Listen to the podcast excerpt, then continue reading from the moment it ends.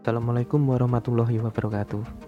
Hai teman-teman, nama saya Fikri Nanda, mahasiswa Sosiologi UNS, Angkatan 2019 Di sini, saya akan membahas tentang permasyarakatan.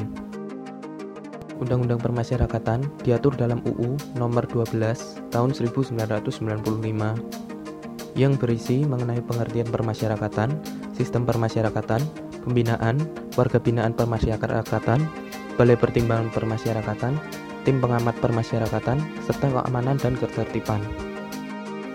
Pelaksanaan sistem pembinaan permasyarakatan terhadap warga binaannya menganut asas pengayoman, persamaan perlakuan, pelayanan, pendidikan, pembimbingan, penghormatan harkat dan martabat manusia.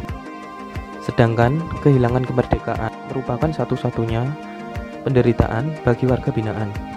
Tetapi di sisi lain, warga binaan mendapat jaminan hak untuk tetap berhubungan dengan keluarga dan orang-orang tertentu dengan syarat tertentu. Pembinaan dilakukan di lapas dan di bapas yang dilaksanakan oleh petugas permasyarakatan. Nah, bicara tentang lapas dan bapas, apa sih perbedaan antara lapas dan bapas ini?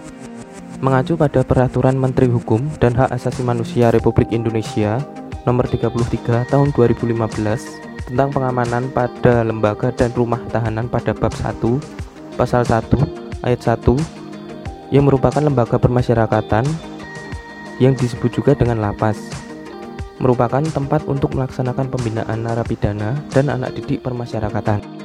Kemudian, menurut pasal 1 angka 4 Undang-Undang Nomor 12 Tahun 1995 tentang permasyarakatan memberikan pengertian bahwa Bapas memiliki kepanjangan Balai Permasyarakatan yang merupakan pranata untuk melaksanakan bimbingan klien permasyarakatan. Bimbingan yang dilakukan oleh Bapas dilakukan terhadap terpidana bersyarat, narapidana, anak pidana, dan anak negara yang mendapat pembebasan bersyarat atau anak negara yang berdasarkan putusan pengadilan. Kemudian, binaannya diserahkan kepada orang tua asuh atau badan sosial dan anak negara yang berdasarkan keputusan menteri atau pejabat di lingkungan Direktorat Jenderal Permasyarakatan yang ditunjuk. Selain lapas dan bapas, terdapat dua jenis lagi di negara Indonesia, yaitu rutan dan rutbasan.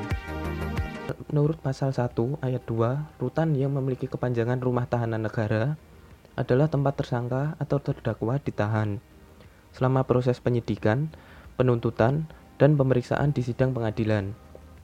Sedangkan rubasan yang memiliki kepanjangan rumah penyimpanan barang sitaan negara adalah tempat benda yang disita negara untuk keperluan proses peradilan.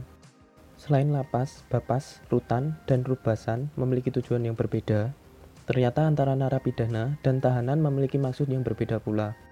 Berdasarkan pasal 1 ayat 3 Narapidana adalah terpidana yang menjalani pidana hilang kemerdekaan di, di dalam lapas.